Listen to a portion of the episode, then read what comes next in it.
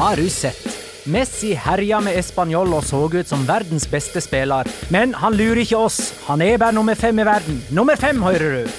Og Villarreal har sparka trener Havi Kajekka, selv om de fremdeles er på trygg grunn og nesten klarte uavgjort mot Celta Vigo. Har Villarreal for høye ambisjoner? La liga loca. En litt gærnere fotball. Ja, ja, ja, ja, ja. Dette er La Liga Låka episode nummer 55 av det ordinære slaget med Petter Wæland. Hei. Hei. Jonas Giæver. Hei. Assalamu alaikum. Og Magnar Kvalvik. Hei. Hei, Magnar. Hei. Eh, Jeg er alltid nysgjerrig på genserne dine, Jonas. Dette ser jo helt eh, malplassert ut. Noe sånn basketballgreie. Det er eh, Nei, det er jo ikke det. Nei, College-genseropplegg. nei, nei, det er jo, det er jo Air Jordan-logoen på den her. Altså, Er ikke det basketballgreie? PSG spiller Air Jordan-logo. Ja, det er iallfall uh, han i en sånn basketballposituraktig Ja da, type dunk. Du er helt riktig. Det er Michael Jordan sitt, uh, sitt brand. Og jeg går med den i dag litt fordi at jeg nesten kommer direkte fra jobb. Jeg måtte løpe innom hjemme, og så har jeg bytta litt klær og litt sånn. Og Du har ikke fått denne fra noe sånn PSG-supporterklubbopplegg? Nei, den er kjøpt på Nike Store i New York. Merkelig opplegg. I dag skal vi snakke om trenersparkingen helt nederst på tabellen. Både Atletic og Viareal har nemlig gjort som Uesca og sparka treneren. Det er tre av de fire nederste. Ja, det. Vi skal også snakke om Barcelona-derby, der Messi imponerte igjen. og eh, hvor god må han være for å være verdens beste? Eh, og hvor sterkt lag kommer Barcelona til å stille med mot Spurs? Det er jo òg litt interessant. Real Madrid vant for øvrig uten å overbevise igjen! Ja, en dårlig vits, bare. Ja, det spørs. Det spørs, ja. Mm, jeg så den komme. Godt at du delte Denne gangen så eh, vant Real Madrid uten å imponere mot selveste tabelljumbo Uesca. Men vi begynner på Mestalla. Valencia, Sevilla 1-1. Sarabia førte Sevilla i eh, ledelsen. Valencia utligna to minutter på overtid, og mitt uh, o store spørsmål er Var det den bånneste hendelsen i hele runde 15? At Valencia utligna? Ja. Ja, jeg syns det. Jeg hadde ikke forventa å få gehør for det sånn umiddelbart. Jeg trodde jeg kanskje jeg måtte overbevise mer, men uh... Ja, Jonas må du nok overbevise. Nei, altså, med, med hjertet så er jeg jo uenig, men med hodet og, og sånn, så er jeg helt enig med dere begge to. Altså, jeg syns jo Men jeg synes sånn sett under ett, så syns jeg det var et fortjent resultat. Altså. Jo da, men hør nå. Ja, få høre. Grunnen til at jeg spør, er for det første, sett fra Valencias ståsted. Da var jo fansen i ferd med å gjøre opprør. Ja. Og den utligningen Ja, ja, der, det dempa opprøret deres. Uten at de får lov til å egentlig slippe jubelen helt løs heller, for de kom ikke for å se noe uavgjort. De kom for å se seier Mhm. eller gjøre opprør. Det ble en mellomting. Sånn, Det Opprøret er egentlig bare utsatt. ja. Eh, Sett fra Sevillas standpunkt så er det jo ganske greit. Og sett fra et nøytralt standpunkt så er det jo òg egentlig en litt kjip utligning, ettersom det er mye moroere at Barcelona har selskap av et lag. A-poeng på toppen. ja, jeg, jeg ikke Så eh, det er sånn Det er gehør her, altså. Alle syns dette var vondt. Ja, det, det var helt grusomt, faktisk. Såpass, faktisk. det. Ja. Men Ja, okay, la, la oss ja. nå heller ta punkt nummer én her eh, litt eh, nærmere etter i sømmene. Er det det man sier? Gå etter i sømmene. Magnus Garung spør jeg, eller Garung, Garung. ja. Hva skjer på Mestøya? Enorm misnøye på lørdag. Stor splittelse mellom klubb og Kurva Nord, som jo er den mest hardbarka supporterskaren. Tålmodigheten virker oppbrukt. Nesten samtlige spillere er under nivå, altså pari, kan man si. Eh, Hva skal til for å snu trenden? Spillermaterialet bør jo være godt nok. Skal vi ta eh, splittelsen mellom klubb og, og supportere her litt sånn først? For det som eh, kom som resultat av den utligningen, var egentlig en ganske interessant tweet fra Valencias president, spør du meg, da. Det har ikke jeg sett, så det må du litt mer med om. Uh, jeg, ha, han, jeg er litt usikker på navnet. Anil Murthy? Murthy? Murthy, ja. Murthy. ja. Skrev på Twitter 'Tusen takk til alle trufaste, ekte Valencia-fans som jubla for oss hele veien'. Mens De som føler at de er trufaste, ekte Valencia-fans, de buer jo og vifter med tørkle underveis her på stillingen 0-1. Det er din tolkning. Han, han skrev ikke det. Han skrev ikke Nei, det nei, han skrev ikke den siste Nei. setningen der. Nei. Han takka de ekte trufaste som jubla hele veien for Valencia. Skrev han det i Det er dikka blokkbokstaver? vi vi for. Skrev han, skrev han noe av dette i blokkbokstaver? Eller i uh, Nei. caps lock? Nei. Nei. Ok. Nei, altså Hva skal man si om sånt? Jeg synes når klubbpresidenter eller folk som har en form for autoritet i en klubb, uttaler seg på den måten Jeg husker at det var det Malaga sin eh, De, der eier, de der arabiske eierne deres som som tvitra i tide og utide hele tiden om alt som foregikk i klubben. Og da mener jeg, når du, når du har behov for å gjøre det, for å uttale deg på den måten, Mm. så har du et eh, mindreverdighetskompleks. Da, da har du ikke helt kontroll. Da veit du ikke helt hva Ja, du, du skal, skal gjøre. liksom eh, vise din Ja, autoritet. helt riktig. Det er sånn jeg føler det når, når man holder på sånn. Altså Tony Chia, han gamle eieren i Aston Villa, satt også gjorde det hele tiden. Og han er huet ræva ut, han også. Altså, jeg, jeg føler man um, Altså, når man Når man gjør seg større enn andre på den måten her, for det føler jeg han, han gjør. altså Han dikterer liksom hvem som er ekte supporter. Ja, hvem som ikke, altså Du er ikke ekte supporter hvis du eh, hvis du fortsatt liksom er med på laget og sitter og klapper når vi ligger under 0-1 i serierunde 15 og vi er på 15. plass. altså Hvis han skal begynne å bestemme om man er ekte Valencia-supporter eller ikke da, eh, da er det én en farlig vei å gå, for da vender enda flere seg mot deg. Eh, Da, da har du på mange måter altså, da, altså Anil Murphy, eh, han, eller Murty, han, han vet jo da antageligvis at de som var framme med de hvite tøklene, det var mange. Så det er det selvfølgelig en, en god del som bare altså Produseren zooma jo inn på enkelte av de som satt med dette. Det var noen av de som bare satt og vinka med det og syntes det var gøy, for de smilte samtidig. Så bare, se på meg da. Men, men det begynner jo eh, på et sted. Ja. Eh, og det er klart, dette var jo en del av en, en, en TIFO, eller ikke TIFO, da, men sånn der eh, Flagg, flaggborg. Ja, som de hadde før kampen. Så det er klart at eh, de lå jo der lett tilgjengelig, og det å ta tak i de og begynne å vifte av på stillinga 0-1 på slutten der, det, det hadde kanskje ikke skjedd hvis ikke jeg alle de flaggene lå der i utgangspunktet. Eh, men eh, hvis man da begynner å på mange måter ta eierskap til hva supportere skal føle og ikke føle, eh, så er det feil. Det er en farlig vei å gå. Da får du fansen mot deg. Og for det andre, han, altså han, han har vært der en stund nå, da. Men altså, du kan jo ikke bli overraska over at noe sånt skjer i Spania. Det er uttrykksform nummer én om at ting ikke ikke er som det skal være. Altså, Hvitt lommetørkle og vifte med det for å vise misnøye. Eh, Altså, Du kan veldig lite om den spanske kulturen hvis du, hvis du reagerer på det, hvis du liksom mener at det er så forferdelig. Ja, nettopp. Det er viktig å påpeke her for de som Det er jo ikke alle lytterne våre som kanskje vet det, men, men når supportere i Spania vifter med et hvitt lommetørkle, så er det som regel indikasjon på at de ønsker at treneren skal gå.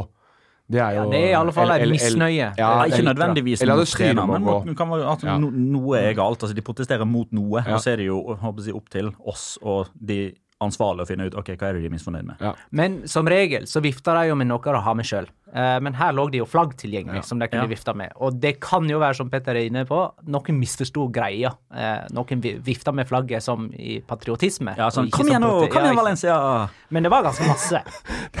Det er litt sånn som de der folka som bare sånn på kødd stemte på Donald Trump i det amerikanske valget. Bare fordi at det, Han kan jo, Ja. han kan jo ikke vinne, da! Kan han det? Og Samme med brexit da, liksom. Ja. Eksperimentell moro. Jeg liker at vi sammenligner brexit og Donald Trump med ståa i Valencia. Det er, det er godt gjort av oss, men eh, det er kanskje litt, eh, litt likt. At det er ikke akkurat alt eh, Alt stemmer ikke verken i USA, Storbritannia eller i Valencia. Valencia er nummer 15. Eh, Det var òg en ting jeg skulle til å si, at hvis Valencia ikke skal være med i toppen, og heller ikke kjempe om eh, eh, Champions League-plass, så kan de like godt gjøre som Atletic og Villarreal og bli med i nedrykksstriden og gjøre det skikkelig spennende der nede. Jeg syns de bør tenke på oss som følger med på denne ligaen her. Altså, Det å Gjør være- den mer spennende. Ja, å det være middelhavsfarer, det er betegnende med at ingen bryr seg. Noen, Se må, på Español! noen må gå. Eh, Nå gjør jo Al Alaves gjør det jo bra. De ligger på femteplass. Husker du sist gang de gjorde det bra? I 99-00-sesongen. Det var jo da de kvalifiserte seg inn i Europa. Da hadde du den spektakulære sesongen der ikke bare vant Deportivo la Coronia serien for første og foreløpig siste gang. Du hadde tidenes nedrykkstrio. Atletico Madrid, Real Betis og Sevilla rykka ned på en og samme sesong. Å, Ja, det er helt vilt. For Villarreal, Valencia og Atletic I en sesong der Alavesia var bra igjen. det var spektakulære nedrykkslag, men alt var klappa og klart to serierunder før slutt. Ja, det kan Så det var liksom sånn Nei. Det kan jo være, det hadde vært litt gøy hvis Sevilla går og vinner ligaen, Alaves tilbake i Europa, og så er det de tre der da som rykker ned. Det er litt sånn déjà vu-følelse over det. Ser, det- ser det ut til å være noen ende på dette her for Val- Valencia? Altså, jeg mener, som Garung er inne på, det er jo, en, det er jo et bra nok lag. Ja da. Det er jo ikke noe dårligere lag enn til å bli nummer fire som sist. Og nå gjør jo konkurrentene fra i fjor det er mye dårligere. Jeg tror at en, det de må begynne å finne litt ut av Valencia, er hva er det som egentlig er det beste laget, førstelaget deres. Er, hvis du skal sette opp en elver, så hvem er det du velger? Det er det Marcelino må finne ut av, men jeg, og det har han ennå ikke klart. Hvilke spisspar er det som er best? Hvilke midtstopperpar er det som er best? Hvem skal han bruke på bekkene? Jeg skjønner at man må bruke Daniel Wass på høyre bekk fordi at det er skadesituasjoner og, og det som følger med, men for eksempel Batshuayi, Gameiro, Rodrigo, Santimina. Det er fire spisser.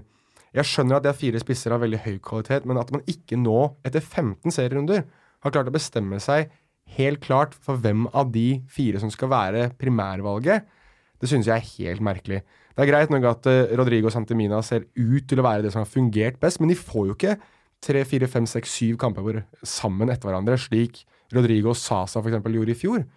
Og jeg mener, jeg, jeg snakket med eh, de som, Jeg vet ikke om noen har lest det, eller noen har lest det, men jeg snakket med, med Mohammed Abdelawe Moa om det å være spiss i en stor liga, og han sa det at det, eh, det, måten du får i gang en spiss på, egentlig hvor som helst, og han snakket om Bundesligaen, var at spilleren må vite at jeg kan gå nå seks-syv kamper uten å score, men at treneren fortsatt tror på at jeg, i den åttende, i den niende, så kommer scoringen. For da, da, da, får du tilbake den troa, da får du tilbake den følelsen. Og jeg tror at det er litt sånn som det er i Valencia, at når ting ikke går greit, så bytter de det ut med en gang. Så må de hente noe nytt. Og så må de etablere nye relasjoner, nye systemer. Nye spillere må lære seg å, å kompensere og forstå hvordan sine nye eh, lagkamerater på sett, og vis fungerer. Det er, så, det er en sånn suppe der det ikke er noe som helst uh, forklaring. Altså Alt sammen er ihjelkokt i, i Valencia. Og så tror jeg, bare for å skutte inn det òg, jeg, jeg tror at de skaffet seg for mange spillere i, i sommer. Jeg tror det var for mange nye ansikter som skulle inn samtidig. Jeg sjekka så vidt nå mens du snakker om dette her, hva for en spiss som har starta flest kamper på rad denne sesongen. Etter, uh, Riktignok i La Liga, da, det kan hende de har starta en Champions League-kamp og så en La Liga-kamp, men i, i La Liga nå, etter 15 serierunder, så er det Santimina som har den lengste jeg rekka. Han har starta de fem siste. Okay, ja. Det er ingen. Altså, det, eh, nå har jeg ikke hatt tid eller ork eh, til å sjekke de andre klubbene. Men jeg er ganske sikker på at det er laveste Det må antall. det Altså. Alle andre spiss, eh, klubbene har en spiss. Vi sier det. Ja. Men det er jo bare å se. altså Valencia er vel det laget som har Ja, jeg på det nå. Det er det laget som har skåret minst av La Liga-lagene. Altså, de har skåret minst mål. Er det ikke det? Mindre enn Huesca òg. Jeg har tolv mål, Huesca har tolv. Ja, de har tolv begge to. Så begge to har tolv mål. Ja, Eh, og Huesca ligger dønn sist. ja, og Og de slipper jo inn lite òg, da. Det er jo bare Atletico som har sluppet inn færre. Jo, men strengt tatt, hva var det vi hyllet Valencia så mye for i fjor? At de faktisk de fant veien til nettmasken hele tiden? Ja, gjerne med én skåring. Det var nok, for de slapp inn så lite. Jo da, men de hadde den der Ja, ja. ekstreme rekken hvor, hvor Rodrigo og Sasa skåret i annenhver kamp eller i samme kamp og det som var. Men hva er problemet til Sevilla, og hvorfor tror ikke vi de eh, er i stand til å vinne La Liga, Petter? Hvis du skal Ja. ta eh, en statistikk eh, på Yes. Antall poeng som de har tatt eh, på bortebane mot Atletico Madrid de siste ni sesongene fire. De siste 16 sesongene så har de tatt to poeng på Camp Nou. De siste åtte sesongene så har de ikke tatt poeng på San Mames. De siste ni sesongene så har de ikke tatt poeng på Santiago Bernabeu. Og på de siste sju sesongene så har de nå, takket være dette ene poenget de fikk på lørdag, tatt to poeng. Til sammen så har de tatt åtte poeng på de siste åtte pluss ni, 17, 31, 33, 42, 44, 49 kampene. Åtte poeng på 49 kamper mot de fem store i spansk fotball. Det er ikke godt nok, det. Og det eh, bare påpeker hvor utrolig overraskende det var at de vant på Old Trafford for, forrige sesong. Ja, og det er jo heller ikke det at det bare er Sevilla som ikke tar poeng, men det betyr at i samtlige disse kampene her, så har motstanderen tatt enten like mange, eller i all større grad tatt flere poeng, som gjør at ja, gapet blir større. Men er det ikke noe sånn også Altså er en tre, jeg, jeg har lagt merke til Er det ikke noe sånn at Sevilla slipper inn noe helt latterlig mye på slutten av kamper? Har ikke de sluppet inn nesten eh, eh, Altså Fra 75 og ut så er, kommer liksom renner det inn bakover for Sevilla sin del. Den skulle man forberedt. Ja, nei, jeg jeg, kom, ja, han, han har jo statistikk på alt, så jeg kan jo spørre han om hvem fikk eh, Altså, jo da, det, det stemmer det. Eh, ikke alltid av betydning, riktignok. Altså, de slapp inn eh, etter 85 mot Rayo, men da leder de jo allerede med ganske mange mål. Eh, de slapp inn eh, mot eh, Real Betis i det 80. minuttet. Den kampen tapte de. Mm. Um, så kom det baklengs etter 90 og 99 og 85 mot Levante, Eibar og Celta, men det fikk heller ingen betydning. Uh, de slapp inn etter 88 mot Barcelona, det fikk ingen betydning fordi kampen gikk fra 3-2 til 4-2. Uh, De slapp inn etter 93 mot Uesca. Det fikk heller ingen betydning, fordi de gikk fra 2-0 til 2-1. Så dette her var faktisk andre gang denne sesongen at de taper poeng på slutten. Altså De tapte kampen mot Betis, og de mista seieren mot Valencia med baklengs siste ti. Og vi tippa på denne kampen, det gjorde vi. Petter hadde 1-1. Gratulerer. Oppe på ni poeng totalt du nå. Jippi. Magnar hadde 3-1 til Valencia. Med, sant, du hadde for øvrig Rodrigo som første målskårer. Ingen hadde Sarabia som første målskårer. Jeg hadde 3-1 og Mina som førstemålsskårer. Det er null poeng. Jeg, jeg har fortsatt sju. Jonas hadde 1-2 med Ben Jedder som førstemålsskårer. Han var tilrettelegger, da. Han var det. Eh, fortsatt sju poeng. Neste kamp vi skal tippe på, er Levante Barcelona. Dermed så hopper vi til eh, vår evaluering av eh, Barcelona-derby nå. Eh, Español Barcelona 0-4. Messi var så himla god, han, at uh, han er for god til at vi kan kåre han til rundens spiller. Er det sånn å forstå, eh, Petter? Ja. Siden du skal kåre rundens spiller. Jeg skal kåre rundens spiller eh, etterpå, og det falt meg ikke inn at det skulle være Messi. Fordi at han er en egen liga. Ja, ikke, det er ikke fordi at han er, kommer på tredje, fjerde eller femteplass av Nei. rundens spillere. Det er det ikke. Men han han er utenfor kategori. Ja. Han er Kolde. Tomalé. Den er grei. Messi med to helt vanvittige frispark, en helt vanvittig assist til Dembélé, Yep. og generelt en helt vanvittig, spesielt første omgang, som var bare ah, helt strålende. Sjøl til han å være.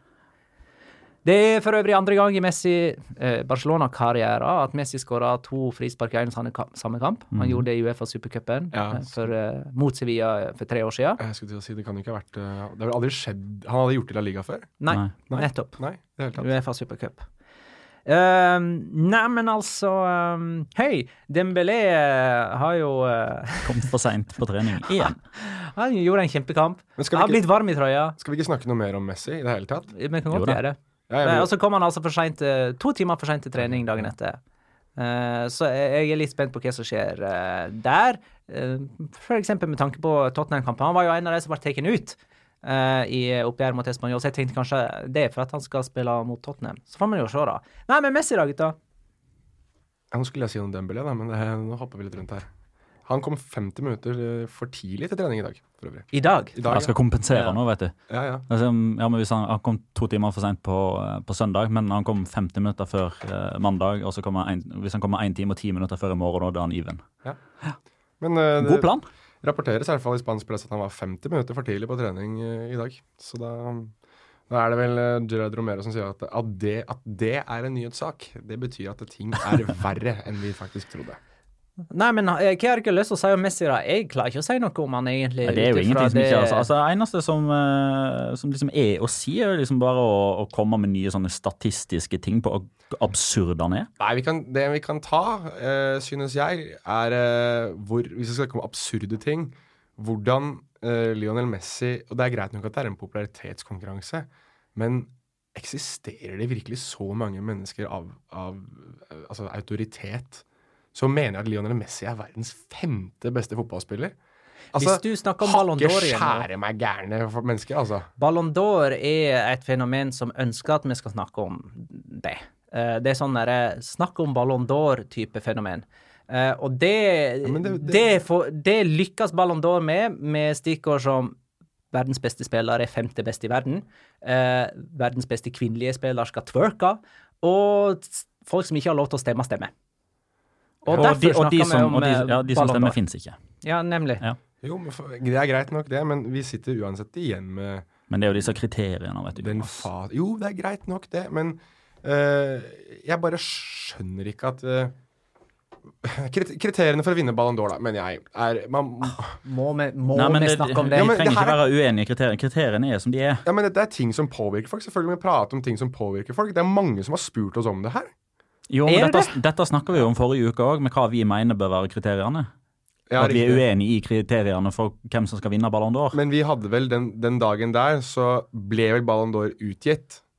Og eh, vi har vel ikke snakket noe særlig om at det var Luka Modric. Vi ble enige om at det, det, kom, det kom til å bli han som vant, men vi, Ja. men vi kom aldri Vi har aldri snakket om selve kåringen, hva som, uh, hvem som Nei, ligger på virke, virkeplasser. Ja, nei, altså, jeg bare synes Jeg synes det er veldig merkelig at vi ikke skal ta opp det at uh, Lionel Messi er nummer fem på en liste. Ja, det føles som verden liksom så sitt snitt til å liksom velte de to store av trona. At dette var liksom en mulighet for å få litt variasjon i toppen av eh, Ballon d'Or. For det at man, man er litt lei av at det er de samme to tiår på rad. Men mener du at det både altså, Greit nok at Modric vinner, men det er, to, det er to spillere fra ligaen som er bedre enn en Lionel Messi. Griezmann var også foran han. Ja. Det er på grunn av EM, sikkert. Altså, man ser sitt snitt til å stemme fram noen andre denne gangen, da. Det er nesten litt sånn jovialitetsstemning. Uh, litt sånn uh, Hva man kaller det? Litt sånn veldedighet overfor de andre gode fotballspillerne i verden. Som, som, som må leve med det å være tredje best, egentlig, sånn i realiteten hele tiden, fordi at det er to som er fra en annen planet. No, da kan jeg, Ja, sant? Det er akkurat det, er det de sier. Det sier kapteiner og trenere rundt omkring i verden som stemmer på den. Jeg vil Lionel Messi de femte beste. vet Dette kan satt, du få sånn satt du og, og leverte Ja. stemma, stemma di til Guardian. også. Nei, jeg stemte Var dette alt vi klarte å få ut av Español Barcelona? Vi må snakke mer om eh, Barcelona-derby. Jeg gjør det. Det ble bare delt ut ett gult kort i denne kampen. Ja. Hva har skjedd med Español som egentlig skal slakte Barcelona, nesten i, bokstavelig forstand? De siste elleve sesongene så har Español fått 5,2 kort i snitt. Altså ikke, ikke, det har ikke vært 5,2 kort uh, i snitt i kampen, men til Español.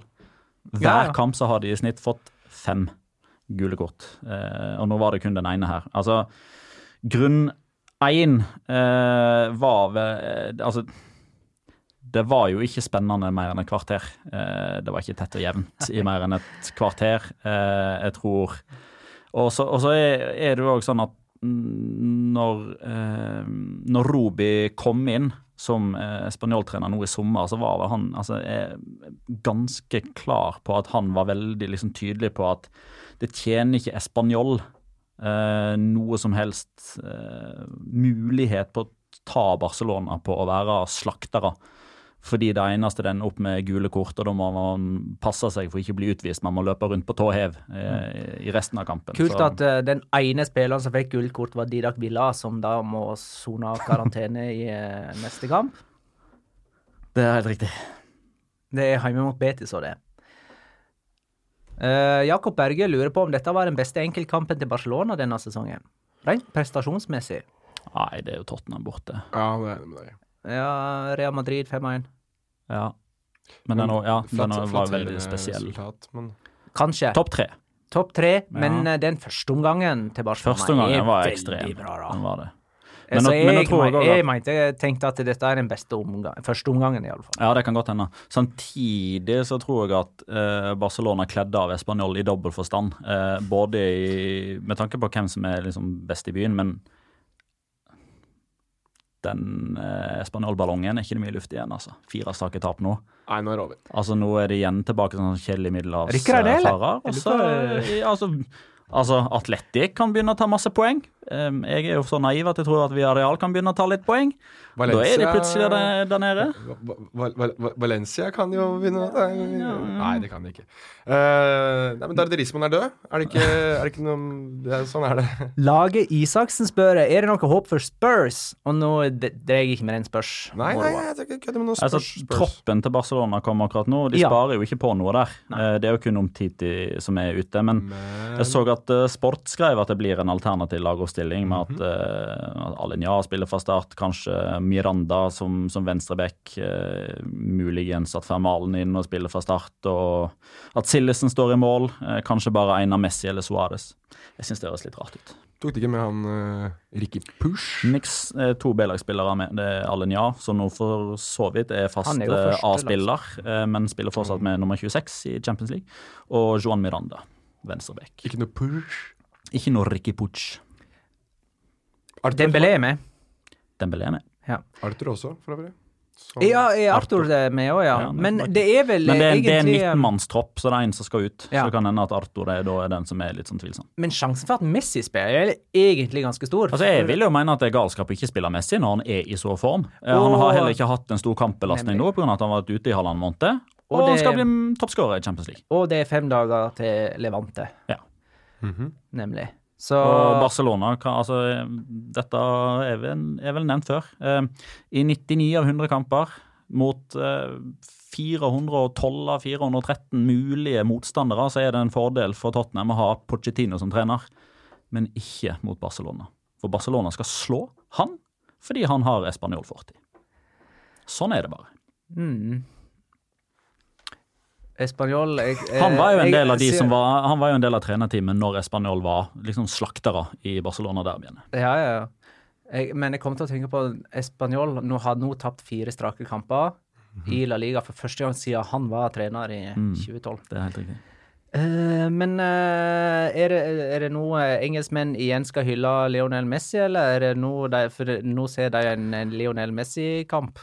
Uh, det- Faktisk så har de, har de vært ganske på å hylle han de siste veka, ettersom de òg registrerte at eh, han var litt langt nede på Ballon d'Or-lista. Ja, ja. Men uh, ligger an til en rant uh, fra Jonas neste uke, eller? Ja, Eller så kan det jo hende at uh, Coutinho spiller en kjempekamp, og at de snakker om at ja, han er fortsatt like god i Spania som han var i England. Uh, men det har han jo ikke vært. he's played in the Premier League, and that's why he's been so good for Barcelona. Var det Hold kjeft, Jamie. Jamie Carragher? OK. eh, jeg, tror vi skal, jeg, jeg tror vi skal tippe her, da. Levante Barcelona er vår neste kamp. Eh, den Øy! Den eh, ser du på Strive klokka 20.45 på eh, søndag. Strive, som er vår annonsør, og som viser alt av La Liga og Serie A til 79 kroner i måneden. Jo, 79 kroner i måneden, 499 i året. Levante Barcelona 2045, søndag kveld. Siden Petter leder, så er det han som begynner. Si 4-5. Si 2-4. Oh. Dette Det var altså 5-4 forrige sesong, Jonas. Ja, dette Altså 4, altså 4-5, altså 4-5.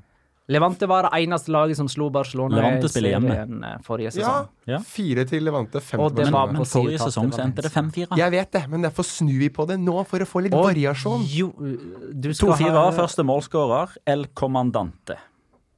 Morales. Ikke Guevara. Niks. Ander Guevara er på B-laget til Real Sociedad, så Jeg vet, jeg kanskje han kommer fram. Jeg sier 1-4. Så utrolig eh, originalt av meg, da. Um,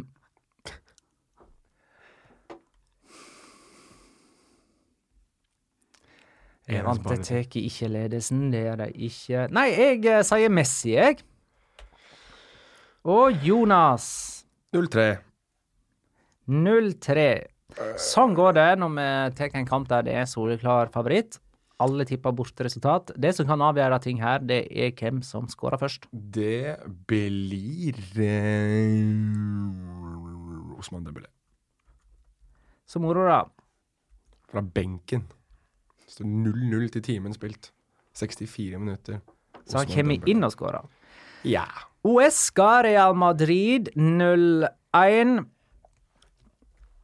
Her så jeg dere Dette var rundens mest målfattige oppgjør, i alle fall før Atletic har spilt mot Girona mandag kveld. En lekker skåring av Gareth Bale, faktisk. Fin skåring, det. Avgjorde kampen hans første ligamål på tre måneder. Real Madrid er inne på topp fire for første gang på over to måneder. Det er første gangen de holder nullen i en bortekamp. Om jeg ikke tar helt feil. Det er jo bare gull og grønne skoger, dette. Mm. Men dere hadde en diskusjon på Twitter, så jeg etterpå. Ja. Hva var det, hva det gikk ut på, egentlig? Diskusjon og diskusjon. Vi var jo ganske enige. Vi var jo temmelig enige, men eh, Nei, jeg satt og så prøvde å ikke bli altfor historieløs. Kom på om dette her er det Altså det mest blodfattige Real Madrid-laget jeg har sett noen gang. Um, I hvert fall det siste tiåret. Jeg synes det ti år tilbake er det noe jeg har sett som har vært verre. og det laget der, altså det, det, Jeg blir virkelig ikke klok på det, men det var litt det vi kom fram til. At på hjemmebane så er Real Madrid temmelig solide, mens på bortebane så er det et eller annet som skjer med dem. At de, de skrur av, henger ikke med. De ser ut som de ikke ønsker å spille fotball. De er vid åpne midt i banen hver eneste gang de spiller uh, på bortebane. Så var Petter og jeg litt uenige om hvor gode de egentlig var borte mot Roma. Men jeg mener hvis, hvis Cengiz Under setter den ballen i mål på 1-1, så tror jeg den kampen bare tiltes på hodet, og jeg tror Roma i hvert fall hadde hatt litt mer momentum. Men den kampen her, altså Jeg så at Santiago Solari var ute og skyldte på vinden. At vinden hadde spilt dem et puss. Og eh, da tenker jeg alltid Vinden kan spille Kjelsås et puss, det kan ikke også, Real Madrid. Men jeg, ja, det er også for så vidt. Men det jeg tenker da, er at um, Wesca må spille med samme vinden, altså. Det er, eh, det er, de er like Greit nok at man kan tenke at det gjør forholdene litt mer jevne de to lagene imellom, men det er fortsatt Real Madrid mot Wesca. Wesca jublet de hver gang de fikk et innkast mot Real Madrid. Uh, det er et lag som altså, Det skal ikke, være, skal, ikke, skal ikke være spesielt spennende når de to lagene møtes uansett.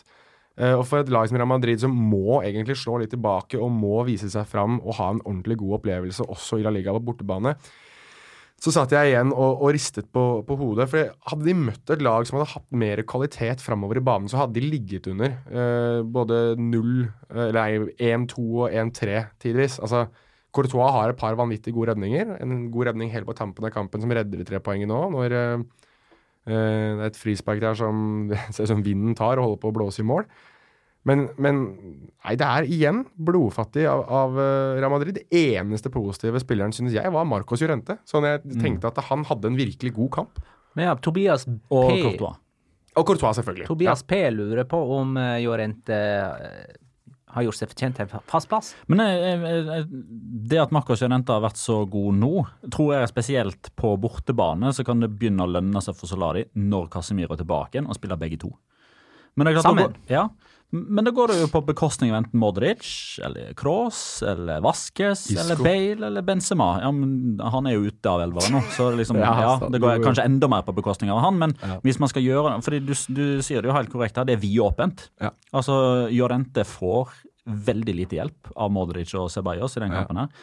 Uh, og det- det er liksom det defensive problemet, at motstanderne alltid har mye rom å angripe i. Sentralt. Og hvis de da klarer å få liksom, det momentumet og det engasjementet eh, Og jeg tror både Eibar og Uesca og Levante og Alaves og alle disse smålagene som har klart å velte Real Madrid denne sesongen, har latt seg inspirere av hverandre. Som gjør at det er ikke bare Real Madrid som er dårlige, men det er òg eksempelets makt om at motstanderne skjønner at det er faktisk mulig å klå Real Madrid. De går ut eh, og tror på det på en helt annen måte enn de foregående sesongene. For da har de på mange måter vært litt sånn De har blitt slått litt på forhånd, da. Fordi de, de står i spillertunnelen, så ser de bort og faen, der står Modric, og nei, faen, Tony Kroos starter, og Cristiano Nei, dette går ikke.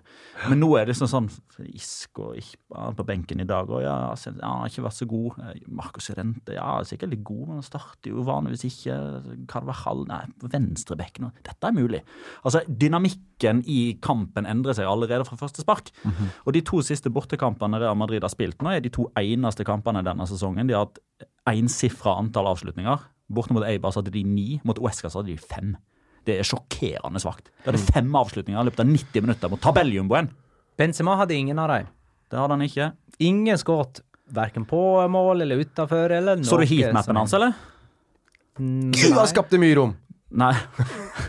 Det så ut som det var lava sentralt i midten. Altså, han var, han var kun ute til venstre eller ute til høyre. Altså, Touchene hans var ute ved sidelinja. Det var der han var borti ballen. Uh, ja, Solari setter jo inn Fede Valverde før både Isco og Ascencio, uh, noterte jeg meg. Hvordan spilte Modric egentlig? Uh, Eihind skriver nemlig greit at Modric var sliten etter VM, men nå er det desember. Han kan vel ikke være sliten fortsatt? Nei, han, men han så sliten ut. Han Ja. så Han ble tatt ut tidlig veldig ofte. Ja, han ble det nå òg.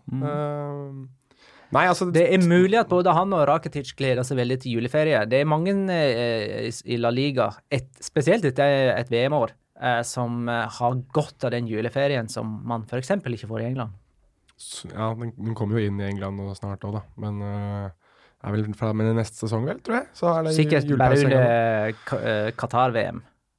Ja, et eller annet sånt noe. Eh, men i hvert fall, altså, også, også Varan er jo en annen spiller som har sett, eh, om ikke sliten, så i hvert fall litt sånn eh, Ikke helt tipp topp shape, han heller, synes jeg.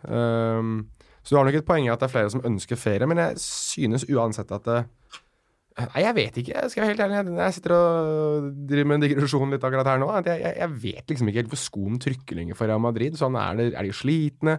Er det det at det er så mye turmulter eh, på, eh, på kontorene? Er det, er det? Hvor er det? Er det det de mangler Cristiano Ronaldo? Jeg, jeg, det er så mange spørsmål og så veldig veldig få svar. Også, men jeg tror, hvis jeg, hvis jeg skal komme med, med én uh, teori på det, så tror jeg rett og slett at vi vi må snart begynne å tenke litt på om dette her er et veldig mett Real Madrid-lag. At det er veldig mange spillere som er litt sånn æh. Når, altså, Petter har gått inn på det veldig mange ganger med spillere som ikke gidder å ta returløp. At man på en måte stopper og ser litt på. At det ikke er den samme eh, arbeidsmengden, altså jobb, jobbing opp og ned i banen. Eh, de spillerne som jobber og som sliter og som virkelig legger ned hardarbeidet, er de spillerne som Nå sier jeg det her i hermetegn er av dårligere kvalitet enn de spillerne vi kanskje forbinder med, med Real Madrid, altså verdensstjernene.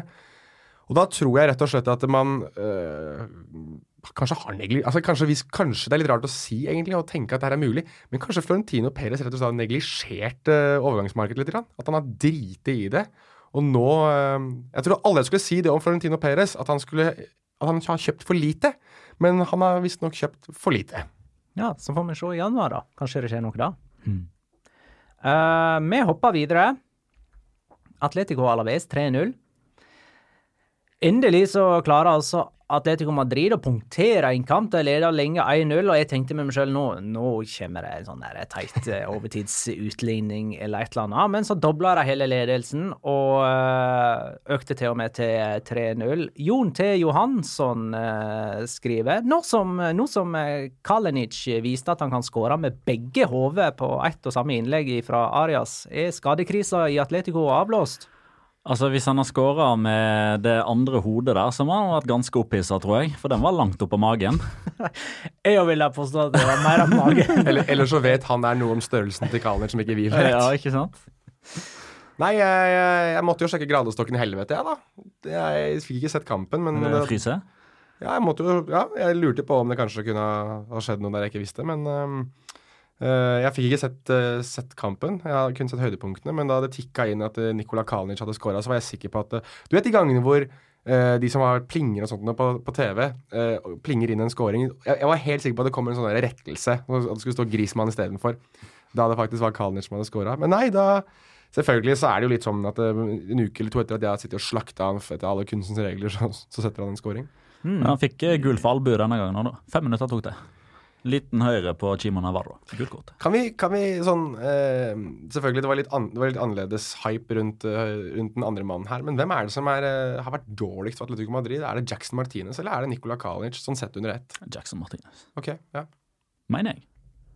Ja, det hadde vel litt med forventningene å gjøre. og Det, Ja, og prisen og Ja. at eh, Jackson Martinez var jo dårlig hele tida. Kalinic vet man liksom ikke hva man får av i 2019. Nei, og er ikke henta inn som erstatter for en type Falcao. Ikke henta inn som førstevalg heller. Så. Det er helt fair. Uh, Alexander Larsen skriver Atletico Madrid har ikke hatt hele forsvarsrekka skadefri siden 25. august. Eh, Dette stemmer sikkert, men Ja. eh, kan det valideres? Vali, vi, Det, ja, det er helt riktig. Lukas gikk ut nå med skade.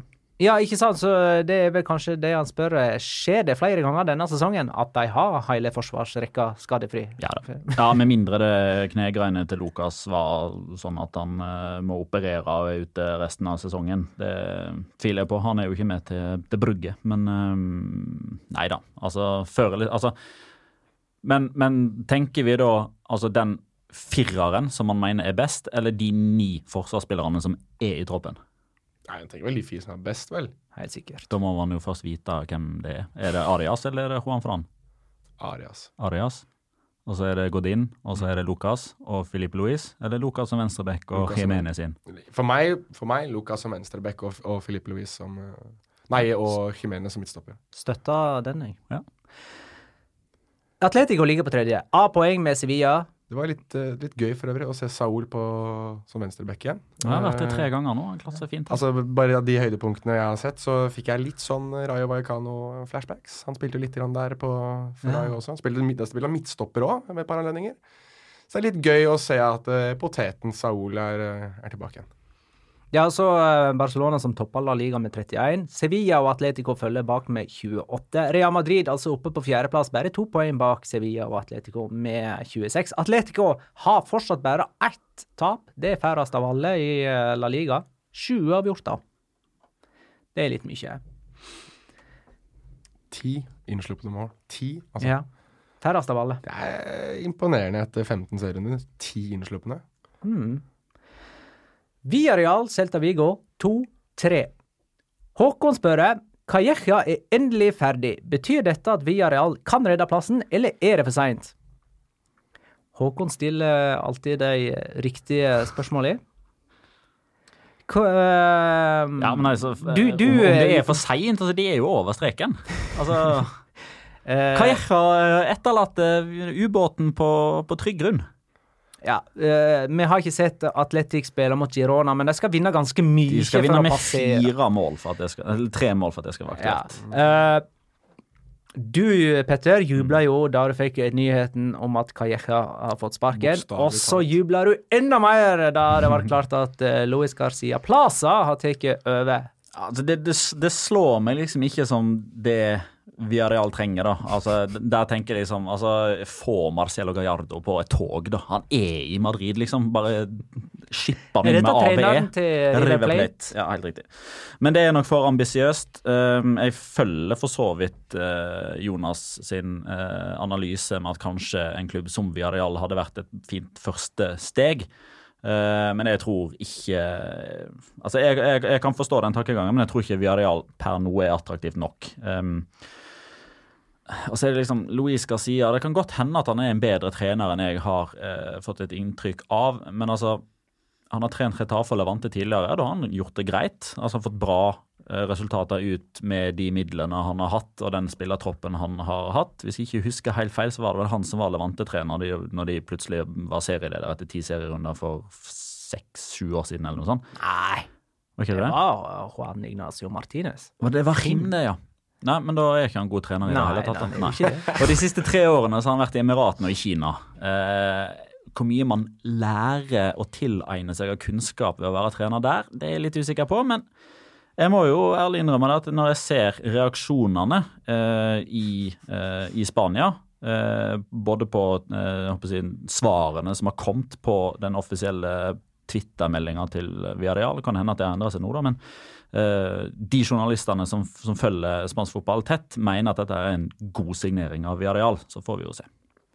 Det er egentlig litt oppsiktsvekkende at eh, dette skjer eh, bare på ei uke. Atletic og Viareal sparker trenerne sine. Egentlig to klubber som er kjent for å eh, være litt tålmodige. Og Viareal har jo vært tålmodige i tre måneder nå. Jeg mener at begge klubbene her har vært strengt tatt, men Ja. Nei, Jeg var, jo, jeg var jo helt sikker på at Berizzo kom til å sitte hele veien. Fordi. Orrotia ikke ville ha hans siste avgjørelse som atletikktrener er bare å shippe mannen ut. Men Det- så feil kan man ta. Geiska Garitano, det, som Ja. tar over Atletic. Ja, han var B-lagstrener.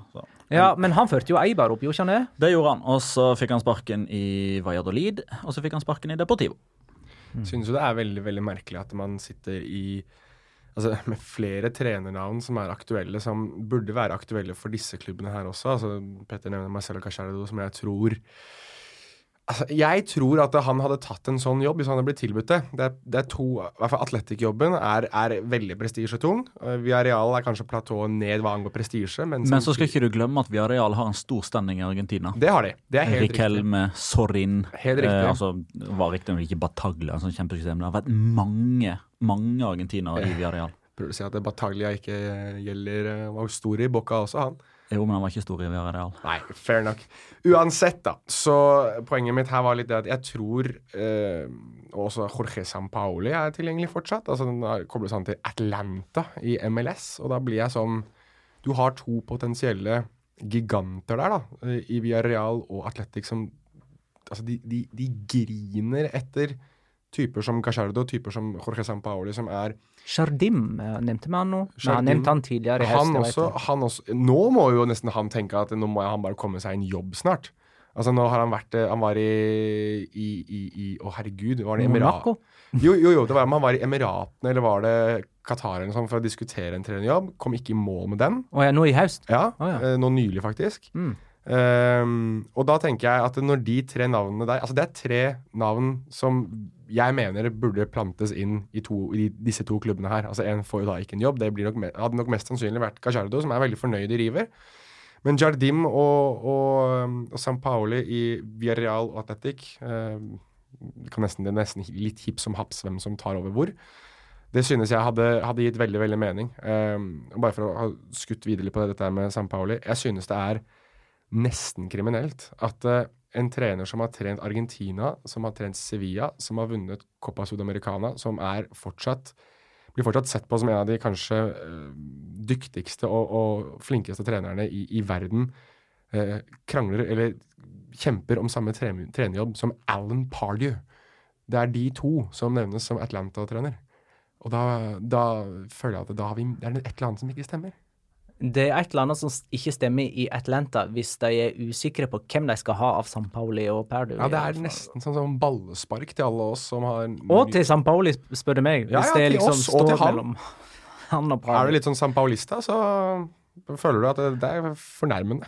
Preis Mendes var en av målskårerne i denne Villarreal Celta Vigo-kampen. Mats Jul Julsen Christiansen spør er det bare meg, eller dukker Breis Mendes opp fra ingenting? Er han årets nykommer, og hvor lenge kan han bli i Celta? Det er ikke bare han. Uh, han fikk jo eh, en god del kamper forrige sesong, men da var han jo ikke på langt nær like god, uh, og på langt nær like dominant og avgjørende. Han har vel Er det fire mål?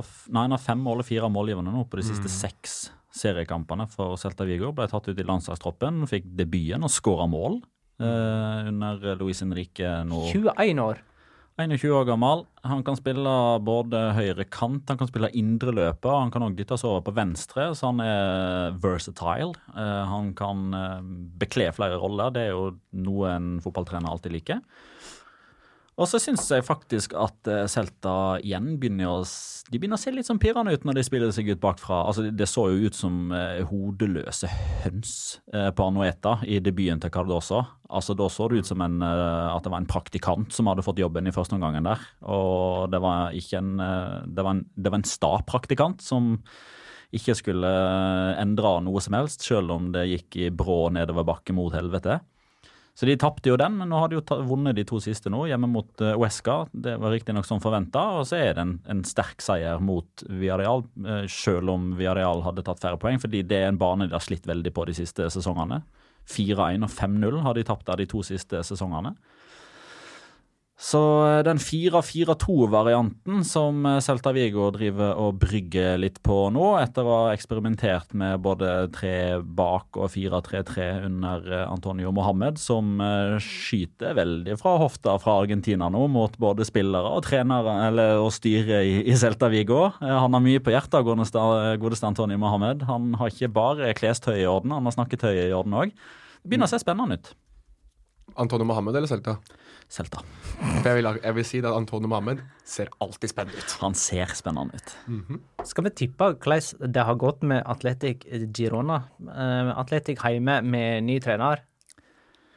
Og Girona som Eh. eneste bortelag uten uh, tap. Ja, nå har det, nå har det nest, Stuani som toppskårer sammen med Messi før denne, eller i, så langt i runden. så det eneste riktige det er at Atletic vinner, og Injaki Williams skårer på hjemmebane. For nå har det faktisk blitt over to år siden. Han Og- gjorde det forrige gang. Og at uh, Girona ikke skårer, og Inigo Martinez holder nullen. Inigo Martinez er suspendert. Derfor holder Atletic Ah! nullen. Bra. Han er- 2-0 til Atletic, altså. 2-0. Yes. Injaki Williams og Aritz Adoris. Ja, for at du får han hver eneste sesong i eh, La Liga også. Ja, jeg, Jeg syns for øvrig han Cardoso, han treneren til eh, jeg, jeg, jeg husker han så vidt det var fra Åh, Hvilket lag han trente i eh, Portugal, da? Jeg husker jeg har sett han før. Men er det noen, Braga? er det Braga? Er det noen som har sett Pink. Pinky and the Brain? Mange har kanskje sett den, den tegneserien. Har du Nei. sett han derre musa, han The Brain? Er ikke det han? Er ikke det han? Dere som, dere som, Det er litt. dere som hører på Hvis nå. han hadde hatt sånn eh, kringler, Ja. eller smultring, eller hva det heter. Ja. Smultringskjegg, ja. Kan ikke dere som sitter og hører på nå på podkasten, ta, altså- ta en liten pause, og så søker dere Pinky and the Brain, og så ser dere den lille musa, og så søker dere opp uh, Cardoso, så får dere, kan dere bedømme det. Jeg syns halen ligner veldig. Ja. Hei! OK, Uh, vi fosser gjennom resten av uh, kampene fra runde nummer 15. Eibar Levante 4-4. Hæ? For en kamp. Det, det er søndag klokka tolv sin kamp, det. Den forrige 4-4-kampen, Real Betis Real Sociedad. også avspark søndag klokka tolv. Der ser du. Tre lag skåra fire mål denne runden her. Eibar, Levante og Barcelona. Hey. Eibar leda 1-0. Levante snudde til 1-2. Eibar snudde til 4-2. Levante henta inn igjen til 4-4. Borja May- Borja Majoral På overtid. skåra på overtid. Eh, Real Sociedad Valladolid 1-2. Eh, den eh, så jeg ikke komme. Real Sociedad skal liksom lure oss til å tro at de er gode igjen, med et par oppløftende resultat, før de minner oss på at de er kanskje ikke så gode likevel. Dette var Valladolid sin første La Liga-seier i Baskerland siden 2004. Ja. Og det føles som en evighet siden sist de vant en La Liga, Ja, kanskje generelt. men Valladolid er jo det mest jevne, ujevne laget i La Liga. Fem kamper på rad uten tap. Fire strake seire. Fem kamper på rad uten tap. Og nå har de starta i seier. Fem kamper uten seier, mener du? Ja, helt riktig. Ja. La meg ta den på nytt. Fem kamper på rad uten seier. Fire seire på rad. Fem kamper uten seier. Og nå starter de ei seiersrekke som kanskje stopper på fire igjen. La oss tro det. Kan jeg få skutt inn at det er litt sånn ryk ryktebørs når vi er inne på um, eh, Valladolid. Eh, det ryktes at Fernando Calero er på vei vekk nå, til uh, Borussia Dortmund og alle klubber. At Ja, Sevilla òg er veldig inne i Ja, nevnes i hvert fall av var det Cadena Ser jeg leste, som eh, nevner at han har en utkjøpsklausul på 11 millioner euro, og den er Borussia Dortmund veldig klare til å trigge og hente nå allerede i januar. Det er jo en av uh, Petter Wælands store kjæledegger denne sesongen. Hvis jeg hadde hatt 11 millioner euro tilgjengelig og hadde klart å overbevise han, så hadde jeg kjøpt han til å måke snø i eh, oppkjørselen min hjemme i Spydeberg. For alt, alt blir måkt bort fra Calero. Leganes, Getafe 1-1. Sør-Madrid-derby på eh, fredagskvelden. Eh, Getafe er jo fremdeles med i kampen om europacupplass, de. De eh, er helt oppe på åttendeplass. Det er bare sånn Poenget bak sjetteplassen. Eh, verdt å holde øye med. Du- Nessery skåra ikke i denne kampen, for å si det sånn. Nei, det gjør ikke det. Er. Herregud! Nei, ikke eh, Guido Guido Carillo heller. Nei. Nei. Men uh, nå hadde jeg egentlig lyst til å snakke om bommen til Nessery. Ja, det kan vi. Kan vi heller uh, Du vet uh, han som scora for uh, Leganes? Vet du hva vet hva slags lyd det kommer når han løper opp og ned langs uh, høyrekanten der? Hvem er vi på nå? Alan Nyom spiller på Ja. Vet ikke lyd Han skåra, han. Ja, Ja. Stemmer det? Vet du hvilken lyd som kommer hver gang han løper opp og ned? Nei, få høre. Jeg syns det var bedre første gang du tok han, når vi faktisk satt på Og botaket. han løp forbi. Og han løp forbi. Artig karakter, det. Alan Nyom, ja. Altså, Allan Nyom og José Luis Gaia er for latterkrampe hver gang de slår inn. Bare, bare legg merke til det. Altså Gaia med sånn bitte, bitte, bitte lite sånn fem, femihopp akkurat når han slår inn. Hver gang. Og Alan Nyham kan vel strengt tatt ikke slå inn så veldig godt uh, heller. Real Betis, Rayo Vallecano 2-0. Eh, Giovanni Lo Celso eh, skåra på straffe. Han har sju mål på 18 kamper for Betis. Mm. Mål på 54 kamper for PSG. Men hvem skåra 2-0-målet, og hvordan?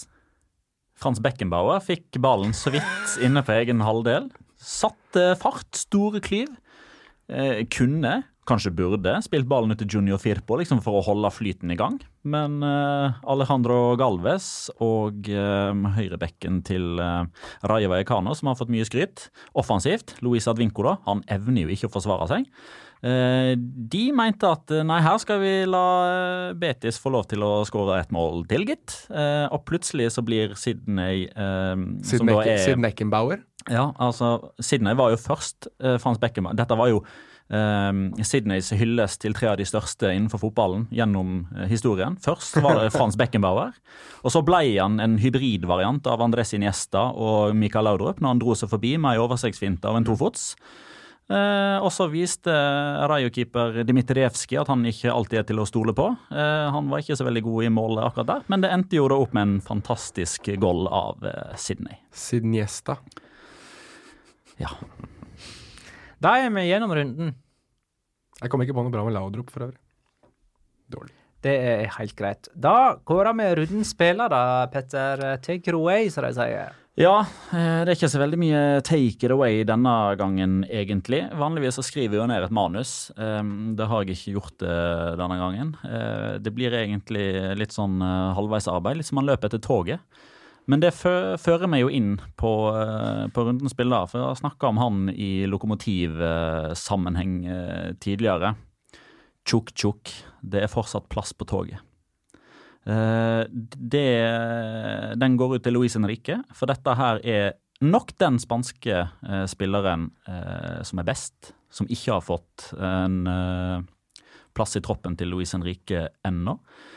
Eh, det er kun Lionel Messi som har skåra flere mål enn eh, vedkommende denne sesongen. Eh, nå vet jeg at Messi kun er verdens femte beste fotballspiller, så det er, det er ikke så mye å, å skryte av. Uh, han er en spiller som uh, stiller seg i rekka ganske mange som kan være et eksempel til etterfølgelse for Martin Ødegaard. Han har vært i ungdomsavdelinga til Real Madrid uten å få en eneste kamp for A-laget til Real Madrid. Således så ligger jo Ødegaard litt foran i terrenget. Eh, han kan være et eksempel til etterfølgelse for enhver Retafe-spiller som eh, egentlig har litt teknisk kvalitet i seg, eh, som f.eks.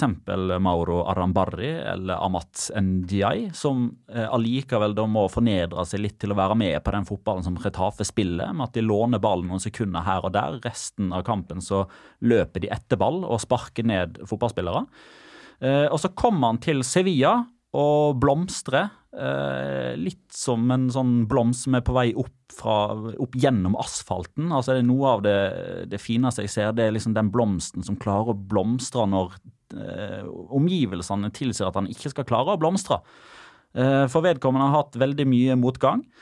Men nå så er han eh, kanskje den beste spilleren, etter mitt syn, på et lag som har leda La Liga ved tre forskjellige anledninger denne sesongen. Som eh, for øyeblikket er Spanias nest beste lag.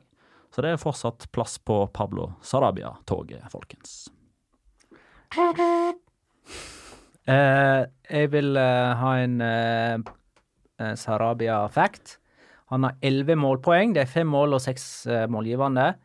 Av midtbanespillere i topp fem-serier er det bare Tauvin i uh, Marseille som har flere. Ja, og når jeg da sa at det kun er Messi som har skåra flere mål, så er det da i alle turneringer. Sarabia har skåra 15 mål denne sesongen. Ja, for de spilte jo uhorvelig mange kvalikkamper til den Europa. Det er en detalj vi ikke trenger å henge oss veldig mye opp i Magna Kvalvik. Vet du hva jeg mener trodde Petter egentlig skulle velge? Sånn, eh, det, det er jo en sånn slags ulovlighet, egentlig, da. Men jeg er litt, litt overraska at ikke du sa at siden han spilte på Santiago Bernabeu, så Lucas Prato. Ja, men jeg holder meg liksom til eh, La Liga. Men ja, eh, vi kunne tatt en historie som inneholder Lucas Pratto og eh, Whooper. Kan, ikke, kan ikke du gjøre det? Veldig fort? Ja, Vi gjør det etterpå, når du har tatt inn Locora. Ja, greit. Uh, det nærmer seg jul. Ja. Navidad, uh, som det heter på spansk. Mm, og veit du hvilken dag julaften lander på? Mandag? Riktig. Det er da vi vanligvis spiller inn eh, episoder. Mm. Så vi får egentlig ikke evaluert eh, serierunde nummer 17 noe særlig. I hvert fall ikke like tidlig som vanlig. Mm, vi får ikke evaluert eh, runde 17 noe særlig. ikke torsdagen etter? Jo, ja, OK, du tenker sånn, du. OK. Ja, nei, eh, og så er jo uh, nyttårsaften på en mandag. Eh, så vi må jo på et eller annet vis ha eh, noe, lage noen spesialpodkaster. Uh, og vi har fått masse spørsmål som vi syns er fine å ta i sånne anledninger. Eksempel fra Obaid Raza. Sier jeg det riktig? Hvem er den beste signeringen, og hvem er den største floppen så langt? Det er sånn type nyttårsspesialpodkastdiskusjon, er ikke det det? Hvilket lag har størst behov for forsterkninger i januar, spør Jakob Berge. Hvor lenge blir Stuani i Girona, spør Sondre Heggestad. Eh, ja, Klaus G. Lunde. Oppdateringer på spådommene våre eh, på eh, tabelltips og sånne ting bør jo òg komme litt sånn sånn Nå synker jo. Espanjol som en stein. Så dette er jo ting vi kan lade opp til sånn uh, romjulspodkast. Når La Liga ligger stille og vi er på ferie. Skal vi, ha et, skal vi ha en overgangsspesial på et punkt her òg? Ja, men dette der kan jo egentlig ligge litt i Ja, vi får se. Vi må planlegge hvordan vi skal gjøre det til jul. Mange hadde altså med. ikke lyst til å ha en overgangsspesial. Men det går jo an å spille inn i romjula når jeg tenker meg om. Det burde kunne gå. Det kan hende. Det er mulig. Men nå er det Locora! Ukens La Liga Locura. Locura. Locura. Locura. La Liga Locura. Jeg kan begynne. Eh, For nå i den serierunden her nå, så skjedde det noe som aldri før har skjedd. Det har aldri skjedd før. Aldri! Det syns jeg er litt morsomt. Nei, ja, det det er, er Betis, uh, Vallecano. Um, Jordi Amat skal klarere. Uh, ta med seg litt mer av foten til uh, Loren Moron, som var uh, tiltenkt. Dommer lar spillet gå. Han får beskjed om at eh, Som var tiltenkt. Som var tiltenkt. Uh, den var faktisk litt bedre enn jeg var klar over. Well done. Takk. Um, og Martinez Monoera får da eh, beskjed om at uh, den her burde kanskje se litt nærmere på, så han løper bort, Uh, ser på skjermen. Uh, og så tenker kanskje folk ja, men faen, dette har jo skjedd før. Det har vært VAR i La Liga i fire måneder nå. Det er helt riktig. Men Antonio Barragan, han er, er faktisk den første spilleren gjennom historien som har fått gult kort for å forstyrre dommeren mens han ser på skjermen. Oi! Det skjedde faktisk. Det stemmer. det. Antonio Barragan der, altså. Det gir litt mening at Men, det er han, da. Er Det bare i La Liga, for jeg, eh, jeg har ikke sett det skje noen gang før. Ikke i VM ikke... Jeg skal ikke si at det Nei, ikke har skjedd i Bundesliga Litt eller dristig å si det, altså. Men Altså, eh, jeg syns det er litt deilig å se at uh, de er konsekvent Eller uh, nådeløse på det, da. Ja, altså, Nulltoleranse. liksom. Pablo de Blasis eh, var eh, Altså, når det var Eibar Alaves, når vi var i Spania, faktisk eh, Han fikk eh, først gult kort for å protestere mot en VAR-avgjørelse som gjorde at han fikk rødt kort rett etterpå. Eh, Så Det er det nærmeste man kommer. Altså Han, han sto uh, ute på banen, og så kjefta han på dommeren mens han sto og så på, uh, på bildene. Og Så bestemte dommeren seg, så ga han først gult for protester, og så direkte rødt for den taklinga. Men Badagan han var inne liksom i området og sto fornærma, i tillegg til at han hadde sikkert litt på hjertet. Jeg trodde du skulle ta Nå må jeg, nå må Nå jeg, gjør han det igjen. jeg må, ja, men jeg må, La Guardia! Jeg trodde du skulle ha den der ville taklinga hans uh, Jeg husker hvem det var mot. Men Nei, det var Alejandro Galvez, det. Alejandro det var var det. Ja, ja. Rayo, Det var samme kamp. Rayo mot Betis. Ja, ta, du kunne tatt det nå, da. At ikke den går til VAR, er jo Ja, men det har blitt litt for mye. sånn. Jeg hadde det på Mario Gaspar, husker jeg. Jeg hadde det på Roque Mesa, som ble takla. Men det som var litt moro med Galvis, det var det ble ikke frispark engang. Nei, William Carvalho fikk gult for protester. helt locoria, de her, altså. Ja, vær så god, eh, hvis du har lyst til å ta neste, Jonas. Ja, min er jo litt sånn annerledes locora, selvfølgelig, men det er jo litt som jeg sa. Dette er Locora. Fritt fram. Vær så Ja, god. Takk. Eh, Det ble jo spilt en eh, kamp på Santiago Bernabeu. Det var ikke Real Madrid som spilte den, det var jo superfinal mellom Boca og River. Og denne spilleren her har jo spilt mang, mang en kamp på Santiago Bernabeu. Har ikke spilt her på veldig, veldig mange år, så det var jo kanskje ikke knyttet stor spenning, men jeg syns jo det var litt sånn litt artig å se Fernando Gago tilbake på um, Santiago Bernabeu-matta. Han har jo vært ute med, med kneskade i lang, lang tid. Vi har jo snakket om det faktisk her før, da han klarte å rive av seg korsbåndene eh, på det ene kneet, og så løp ut på banen igjen og krangla med det medisinske personellet til Argentina, og så måtte bæres av til slutt. I den kampen her så skjer det noe som egentlig er enda litt verre, for han klarer å snuble i sine egne bein, tråkker over og må av typ fem-ti minutter etter å ha kommet inn på banen. Så det ble et veldig kort og veldig trist gjensyn med Santiago Bernabeu-Mata for Fernando Caco. Men, men det, det som egentlig er mest sykt altså, Det er Copa Libertadores-finale. Ja, ja. Det er noen få minutter igjen. Laget ditt trenger skåring. Altså, om du så hadde hatt amputer Om du så Mm. måtte amputere foten, ja, men så stå på banen! Stå i veien! og har- Vær i 16-meteren til River Plate! De har allerede én utvist om å spille med åtte utespillere for at han går ut med porselenankelen sin. Naintan Nandes lå jo hylskreik på slutten av kampen med den råeste eh, var krampa så det ut til du, Ja, ja. du kunne ha. Og Altså, han bare husk Diego Godin, og han sto jo i et kvarter han med lyskestrekk og ble matchvinner på overtid, for han sto på riktig plass til rett tid. Um, er du ferdig, Jonas? Ja, vi skal ha Lukas Prato-historien til Petter etterpå. Eller vil du ta den om en gang? Ja, vel, veldig, altså Lukas Prato spilte for Lyn når jeg jobba i Lyn, så jeg har spist uh, Whopper. Eh, Jeg var ikke Whopper, da. Du skrev det på Twitter. Men vi har nytt et bedre måltid på Burger King uh, sammen. Jeg måtte bestille for han, for han snakka jo ikke norsk. Nei, jeg synes det her Nå synes jeg du forteller historien for fort. Fordi det her er en Ja, men det, det er jo ikke så gøy, da. Jeg synes det er superfestlig, fordi at han fikk beskjed om at det var en matbutikk rett rundt Dette rundt syns du er kjempegøy, Petter. Ja. For dette har du skrevet om på Twitter, du har fortalt oss face to face flere ganger. men- du, dette her syns du er kjempemoro. Nei, men du må huske altså, Jeg vet ikke hvorfor du underspiller dette. ja, Det her må du ikke underspille, for det her er jo jeg, sykt. jeg tvitra det når han skåra i den første kampen, og jeg trenger jo ikke tvitre det den andre kampen. Nei, men det er jo historien her som er morsom. Fordi da ja, han ja, var men nå, i Lyn nå er vi jo egentlig ferdig med det. Nei, hør nå. Nå skal du høre fra den historien jeg, hør, jeg synes det her er det morsomste detaljen av alt. Han fikk beskjed av Petter at det er en matbutikk rett rundt hjørnet der de selger alt du kan få. Det, jeg tror jeg til og med, det må ha vært en salatbar, for det er en ganske stor Ja, eh, meny. Det er en meny der, ikke sant? Så da kunne du sikkert ha en salatbar. var det butikken Meny? Ja, meny. Ja. Ja. ja. Ja, Det ja, ja. En meny. Okay, ja. Så det er salatbar, du kan få ferdig mat som de lager som er litt mer ordentlig. Eh, alt mulig. Og så fikk han Det andre valget var at det er en Burger King. Og da var det ikke noe diskusjon lenger. Det var rett på Burger King. Dette er da mannen som nå har scora i en Copa Libertadores-finale på La Bombonera og Santiago Bernabeu. Hvis du som hører på nå, kjære lytter, noen gang tviler på deg selv, tenk på Lucas Prato, og tenk på hva han gjorde for noe med Petter Wæland rundt hjørnet på Ullevål stadion. Jeg, eh, jeg blir nødt til å ta to eh, locoras, eh, for eh, jeg kommer på at jeg har glemt å nevne en vesentlig statistikk som Mr. Chip eh, ga oss eh, i forbindelse med Messi sine to frisparkmål. Messi har i løpet av de siste fire åra skåra 19 frisparkmål, altså direkte i mål. I den samme perioden så har Juventus skåra 18, Lyon, Real Madrid og Roma 14, Bayern München 13, Sampdoria, Monaco, Paris Saint-Germain 12, Chelsea, Liverpool og Milan 11.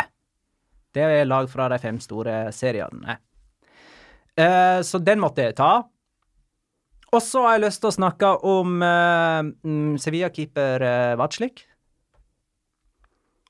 Husker dere i fjor da Valencia-keeper Neto kom ut eh, og skulle bokse i feltet og slo ned Diego yeah, Godin og slo tennene ut av truten på? tennene ut av truten. Veldig bra.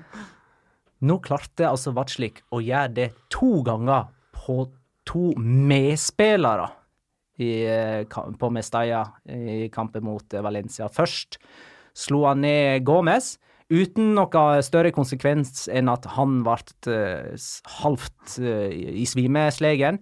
Andre gangen gjorde han det på eh, Silva, med den konsekvens at han ble halvt svimeslegen, og eh, Valencia utligna. Eh, og der, i den situasjonen, så var Vatslik så langt ifra ballen nå at man kan nesten mistenke han for å mislike André Silva. Han var ikke i nærheten av duellen med Diakabi, var ikke det han som skåra? Mukhtar Diakabi. Og jeg lurer på Det er en regel som sier sånn Det er rødt kort for voldelig spill. Det står ikke noe i reglene at det er rødt kort for voldelig spill på motstandere. Jermaine Det er jo liksom Slår du folk ned så de knapt klarer å reise seg igjen, så er det vel samme hvilken draktfarge de har, eller? Jermaine Jennis og, Genis og Lee Boyer begynte jo å slåss med hverandre. Newcastle-spillere begynte å slåss med hverandre ute på banen, og Ja. begge fikk jo rødt kort. Ja, nemlig. Nå var ikke dette slåssing, men eh, det er jo ekstremt farefullt spill. Det var jo voldelig oppførsel der òg. Eh, men det er jo litt sånn som Petter sa, at det er, jo, det er, det er jo grunnlag for å slå ned André Silva, egentlig. Som, som Petter som sagt påpeker. Det, no, det, finnes jo ikke noe som en sympatisk portugiser. ja, Petter, det er ja, ditt jeg, jeg, ordet ditt. Ja, jeg, jeg har sagt det, men det er vel en forskjell på å ikke være sympatisk og å være så usympatisk at man fortjener å bli slått rett ned av en av en keeper som er på ditt eget lag. Altså, eh, som Maradona ville sagt Yo soy o blanco o negro. Ja. Gris no existe mi vida. Altså, jeg er enten svart eller hvit. Det er ikke noen gråsoner i mitt liv. Det kan jeg skrive under på. Nå, men da er vi i mål, da, gutta. Er ikke det greit? Jo. Jeg vil eh, takke alle lyttere for innsendte spørsmål og innspill. Jeg takker alle lyttere for at dere lytta. Ha det, da.